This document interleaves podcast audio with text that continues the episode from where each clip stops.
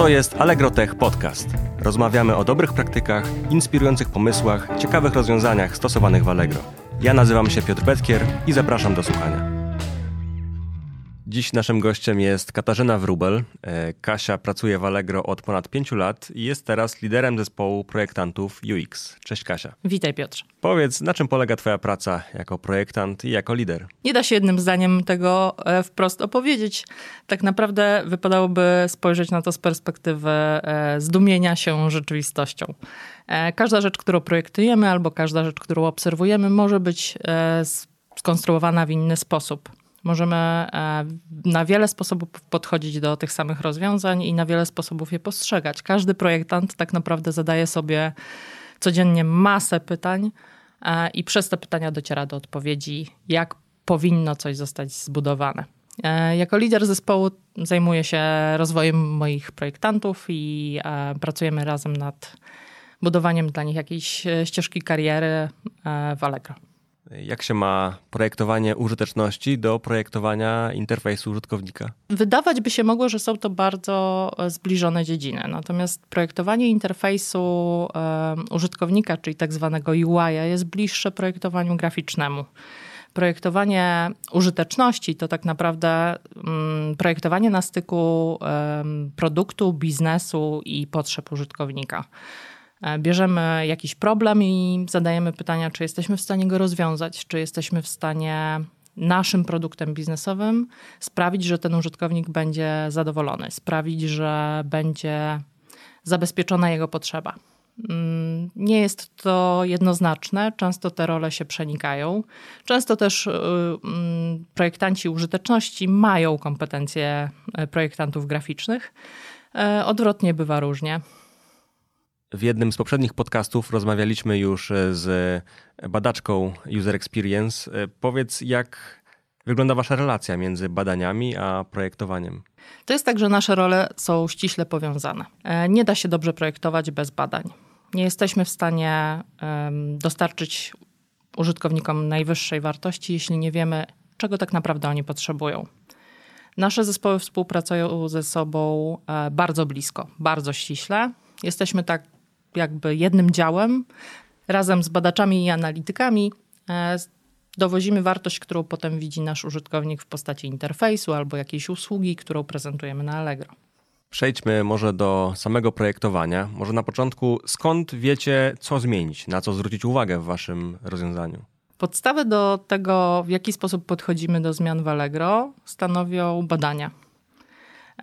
Tych badań mamy bardzo dużo, e, w zależności od tego, czy mówimy o badaniach e, konkretnych funkcji, czy mówimy o badanie, badaniach całości procesu.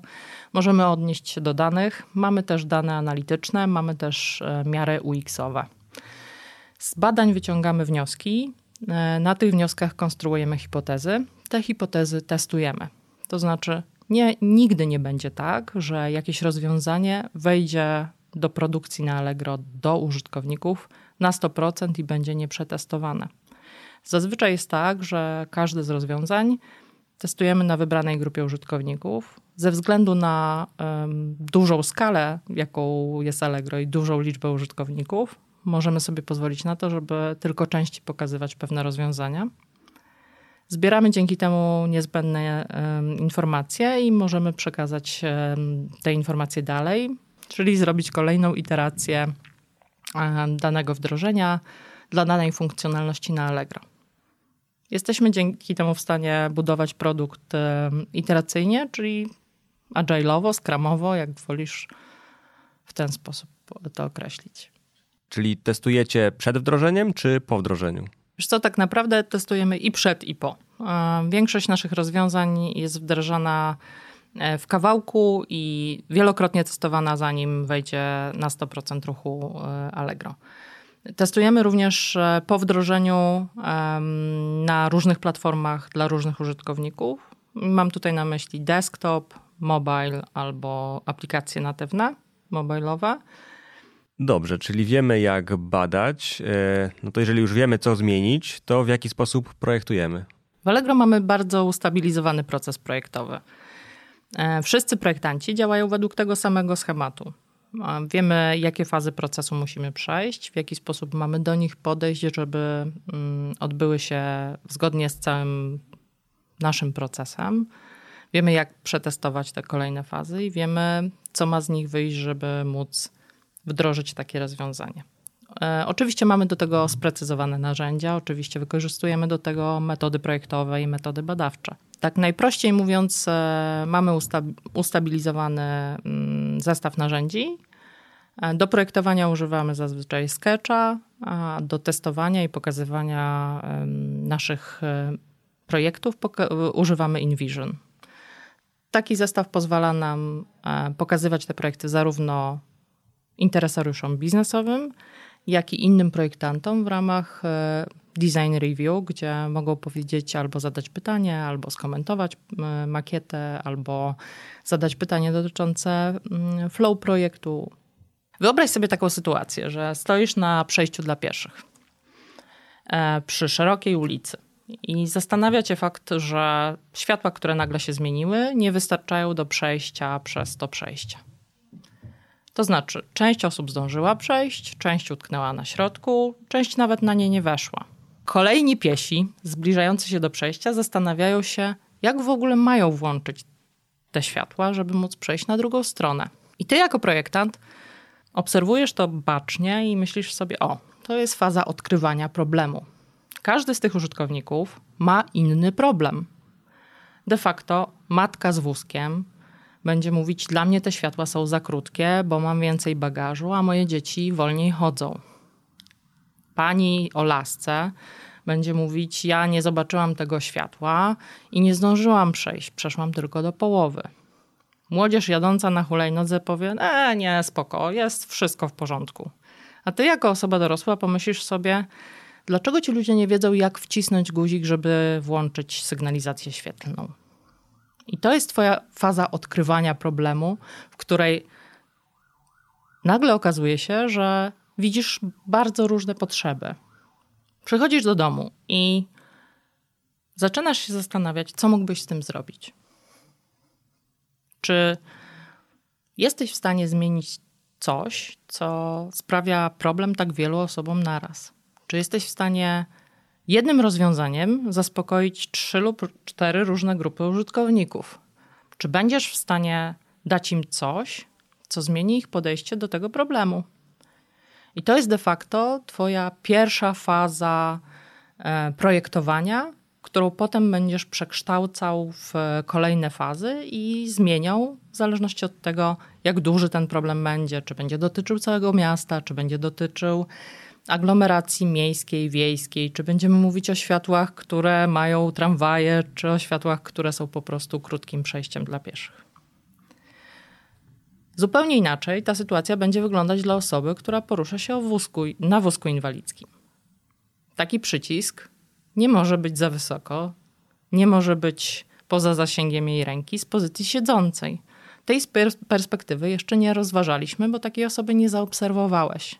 I teraz Twoje doświadczenie i Twoja obserwacja mówi: OK, zaprojektuję inny przycisk, zwiększymy czas, powinno być dobrze. Projektujesz takie rozwiązanie. Nagle okazuje się, że są jeszcze inni użytkownicy i inne potrzeby. I teraz osoba podjeżdżająca na wózku do takich świateł nie będzie w stanie dotknąć do Twojego przycisku, bo umieściłeś go za wysoko. Musisz zrobić kolejną iterację. Musisz zastanowić się, nad tym, czy jesteś w stanie to tak zmienić, żeby ułatwić tej osobie życie. I mniej więcej w takich cyklach pracują projektanci. To znaczy, każda nowa informacja buduje nowy cykl. Coś, co nagle pojawia się albo w trakcie badań z użytkownikami wychodzi, daje ci nową informację do tego, żeby zmienić swój sposób myślenia. Odkrywanie tych e, nowych informacji to jest najczystsza w świecie ciekawość. Im bardziej jesteś ciekawy, im więcej pytań zadasz, im więcej razy się zastanowisz nad tym, czy to na pewno jest tak, jak być powinno, tym więcej pewności będziesz miał, że projektując swoje rozwiązanie, masz wszelką możliwą wiedzę na ten moment. Oczywiście ta wiedza może się poszerzyć. 10 lat temu nie myśleliśmy o tym, że każdy z nas będzie miał tele, telefon, z, który jest komputerem w kieszeni. Wszyscy używaliśmy Nokii, Ericssona, Siemensa. Dzisiaj w zasadzie mógłbyś wywoływać zielone światło przy pomocy swojego telefonu. Podchodząc i przykładając swój telefon do rurki, do miejsca, w którym powinien być przycisk. Chcesz przejść. I niezależnie od tego, czy coś naciskasz, czy coś wyjmujesz, być może nawet zbliżając się, mógłbyś wywoływać potrzebę przejścia przez zielone światło. I taka ciekawość i takie budzenie w sobie możliwości pozwalają projektantom tak naprawdę żywić się i e, dają im takie mięsko do pracy. Okej, okay, to jak to się ma do tych etapów projektowania? No właśnie tak to się ma. Masz fazę odkrywania problemu, masz fazę eksploracji problemu, masz fazę badań, zadawania pytań i wielokrotnego wracania do rozwiązania, masz fazę testowania swojego rozwiązania, znowu masz fazę dostałeś jakiś insight, nagle masz nową osobę, czyli osobę, która porusza się na wózku. Musisz zmienić swój projekt, dostosować go do tej osoby, czy jesteś już w drugiej iteracji swojego e, procesu projektowego. I teraz musisz dobrać metody, którymi sprawdzisz, czy zrobiłeś dobrą robotę. Czyli tak naprawdę na podstawie zachowań użytkownika, czasu spędzonego na przejściu, czy łatwości, czy nauczalności rozwiązania, jesteś w stanie sprawdzić, czy Twój projekt jest dobrze wykonany. I tak, tak, takie same fazy, czy takie same kroki procesu projektowego jesteś w stanie przenieść do świata cyfrowego. Jesteś w stanie zaprojektować funkcjonalność, którą będziesz wdrażał wielokrotnie w małych kawałeczkach, udostępniał konkretnym grupom użytkowników i udoskonalał i mierzył, czy to udoskonalenie idzie w dobrym kierunku, czy wręcz przeciwnie. Często zdarza się i projektanci muszą mieć takie miejsce, żeby się mylić. Często jest tak, że przychodzisz z pomysłem i mówisz, ale to będzie fajne, ale będziemy po prostu mieć super rozwiązanie, a potem nikt nie chce z tego korzystać bo nikt nie rozumie Twojego super rozwiązania, bo nie było to potrzebą użytkowników.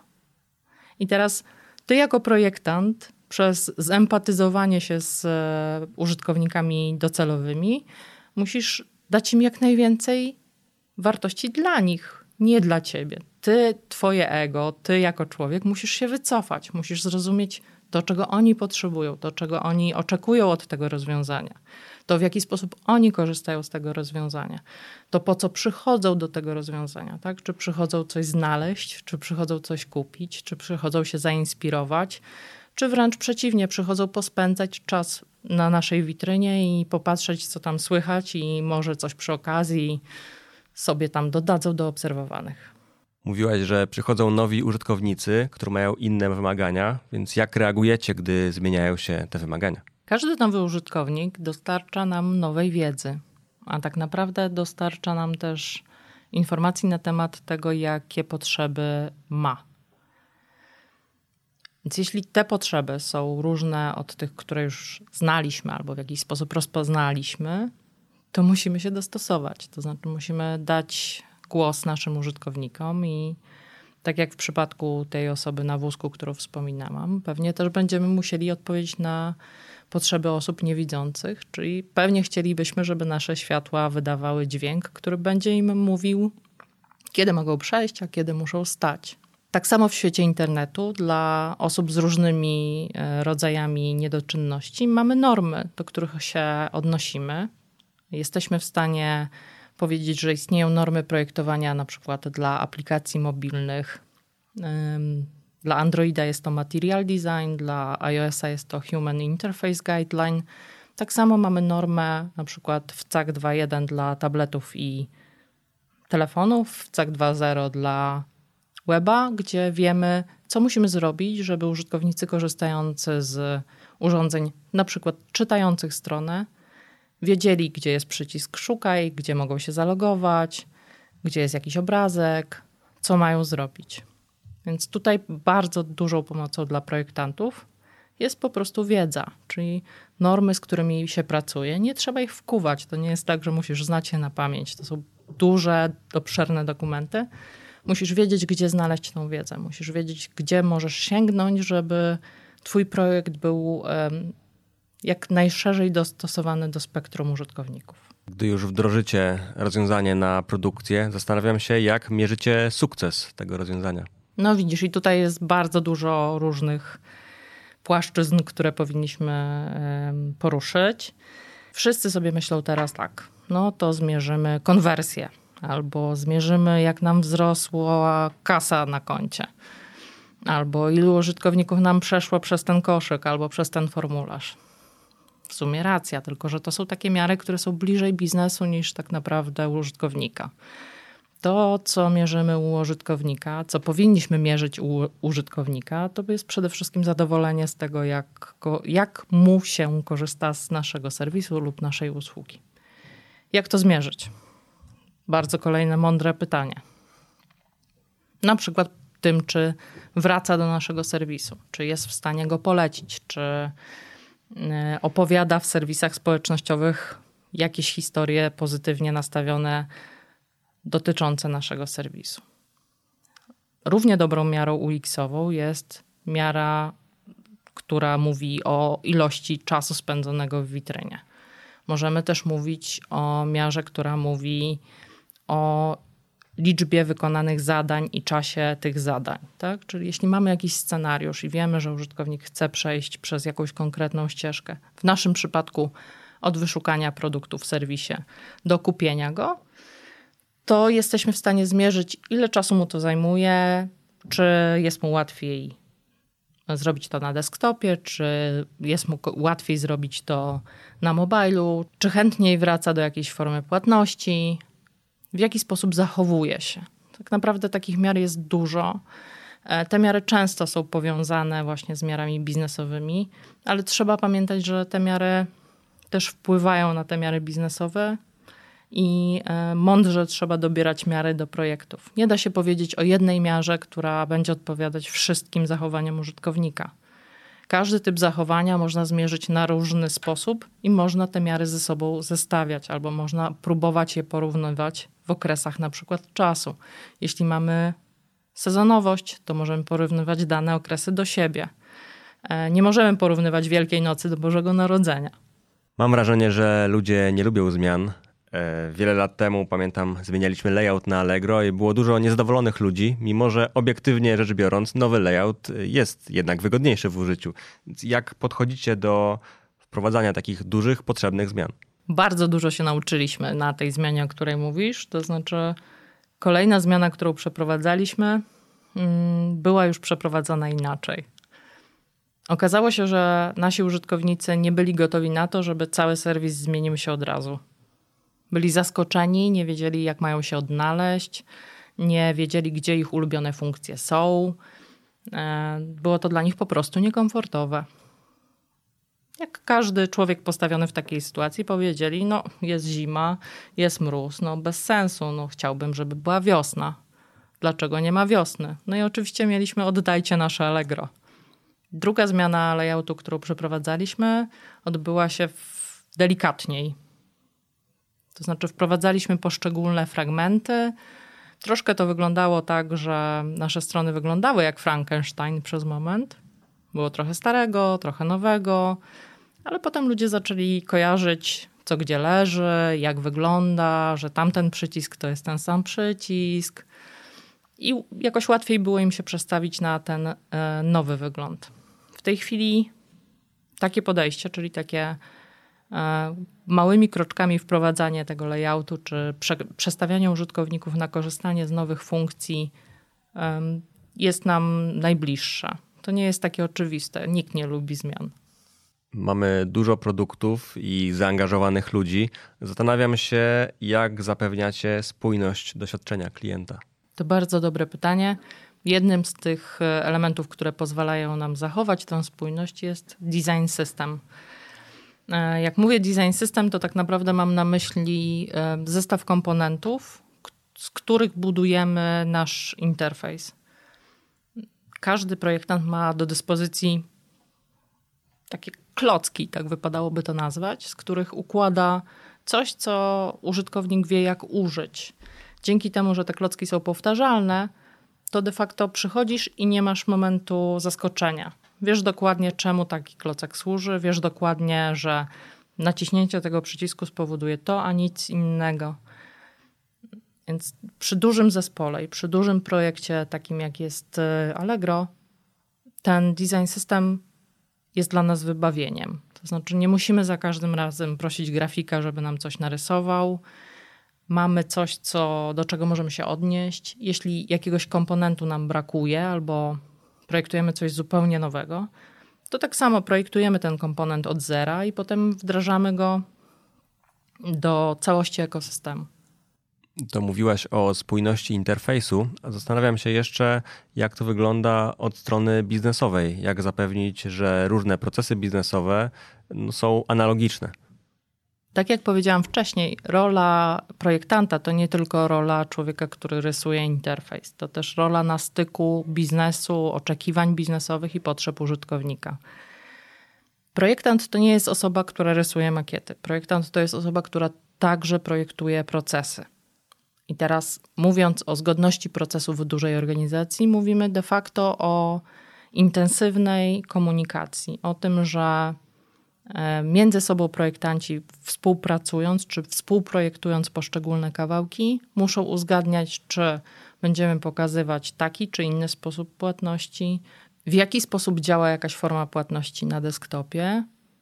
To nie znaczy, że będzie w identyczny sposób działała na mobilu może się okazać, że użyjemy natywnego rozwiązania, Touch ID albo jakiegoś sposobu płatności przypisanego do danego rozwiązania czy danej aplikacji na danym systemie iOS, Android. Cała ta komunikacja biznesowa jest zarówno po stronie product managerów czy product ownerów, jak i projektantów pomiędzy projektantami nieustannie uzgadniana. To znaczy, rozmawiamy ze sobą, spotykamy się, wymieniamy się e, informacjami, robimy wspólne planowania, czyli w jakiś sposób próbujemy przewidzieć, co będziemy robić, czy będziemy w jakiś sposób na siebie wpływać, czy będziemy mieć jakieś zależności, czy jesteśmy w stanie temu zapobiec, czy jesteśmy w stanie zmitygować takie niebezpieczeństwo, że w którymś momencie nie będziemy w stanie tego wszystkiego zrobić, prawda? E, nieustanna komunikacja, tak bym to nazwała to jak mówimy już o organizacji pracy, powiedz, czy y, macie osobny dział UX, czy jesteście rozproszeni po organizacji? Do niedawna było tak, że pracowaliśmy przypisani do zespołów deweloperskich. Mm, w tej chwili od y, jakiegoś czasu mamy osobny dział. Ten dział jest ułożony w taki sposób, że pracujemy na ścieżce doświadczeń użytkownika. To znaczy, Jesteśmy podzieleni w duże obszary, takie jak e, proces przed zakupem, proces zakupu, proces pozakupowy. Dodatkowo jest też część, która odpowiada za doświadczenie naszych sprzedających, bo Allegro to nie tylko kupujący, to też sprzedający, którzy zapewniają asortyment dla osób kupujących. Te poszczególne obszary oczywiście mają wewnątrz siebie takie subzespoły, w których znajdują się projektanci. Projektanci współpracują też bezpośrednio z e, product managerami i w ramach tych zespołów mają też cele związane z opieką nad zespołami deweloperskimi. Czyli może się zdarzyć, że w takim zespole mamy osobę, która odpowiada za na przykład proces płatności. I będzie ona zlokalizowana w zespole związanym z koszykiem i płatnością. Będzie sobie pracować z zespołem, który dowozi tę płatność realizuje ją zarówno na webie, jak i w mobilu. Tak? Mamy też osobny zespół, który w tej chwili zajmuje się doświadczeniem mobilnym, czyli aplikacjami dla Androida i iOS.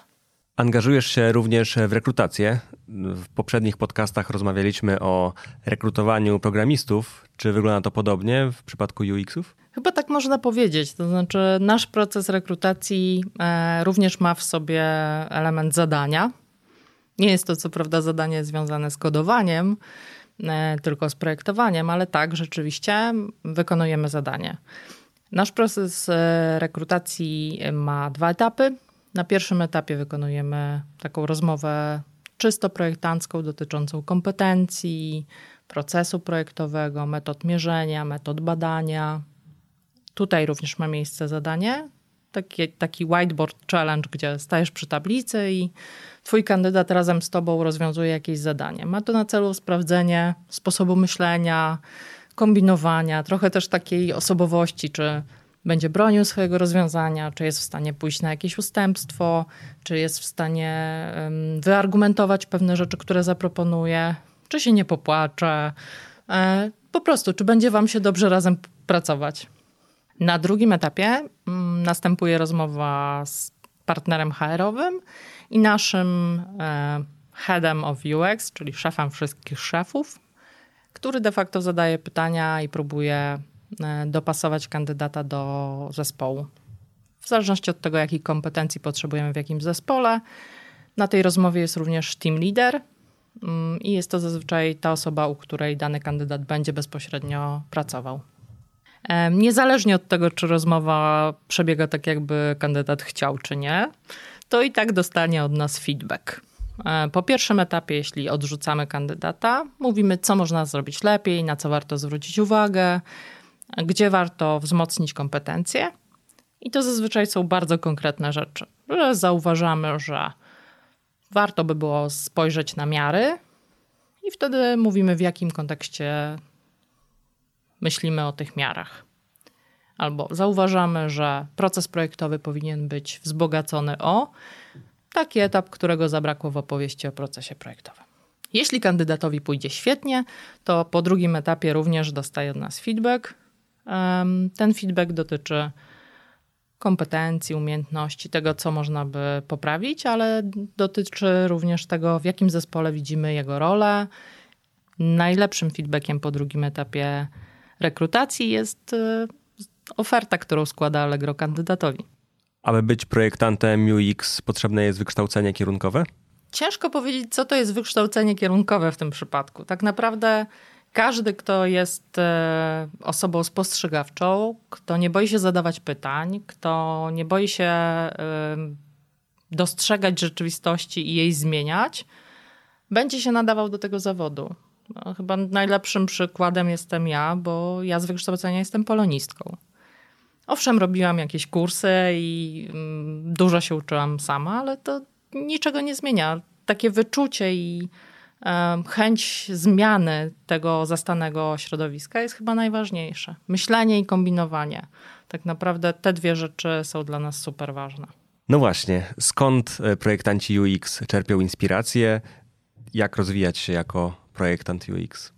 Wiesz co, jest cała masa źródeł w internecie i nie trzeba dużo, żeby móc z nich skorzystać. Trzeba cierpliwości i czasu. My jako Allegro organizujemy takie wydarzenie, które nazywa się Allegro UX Talks.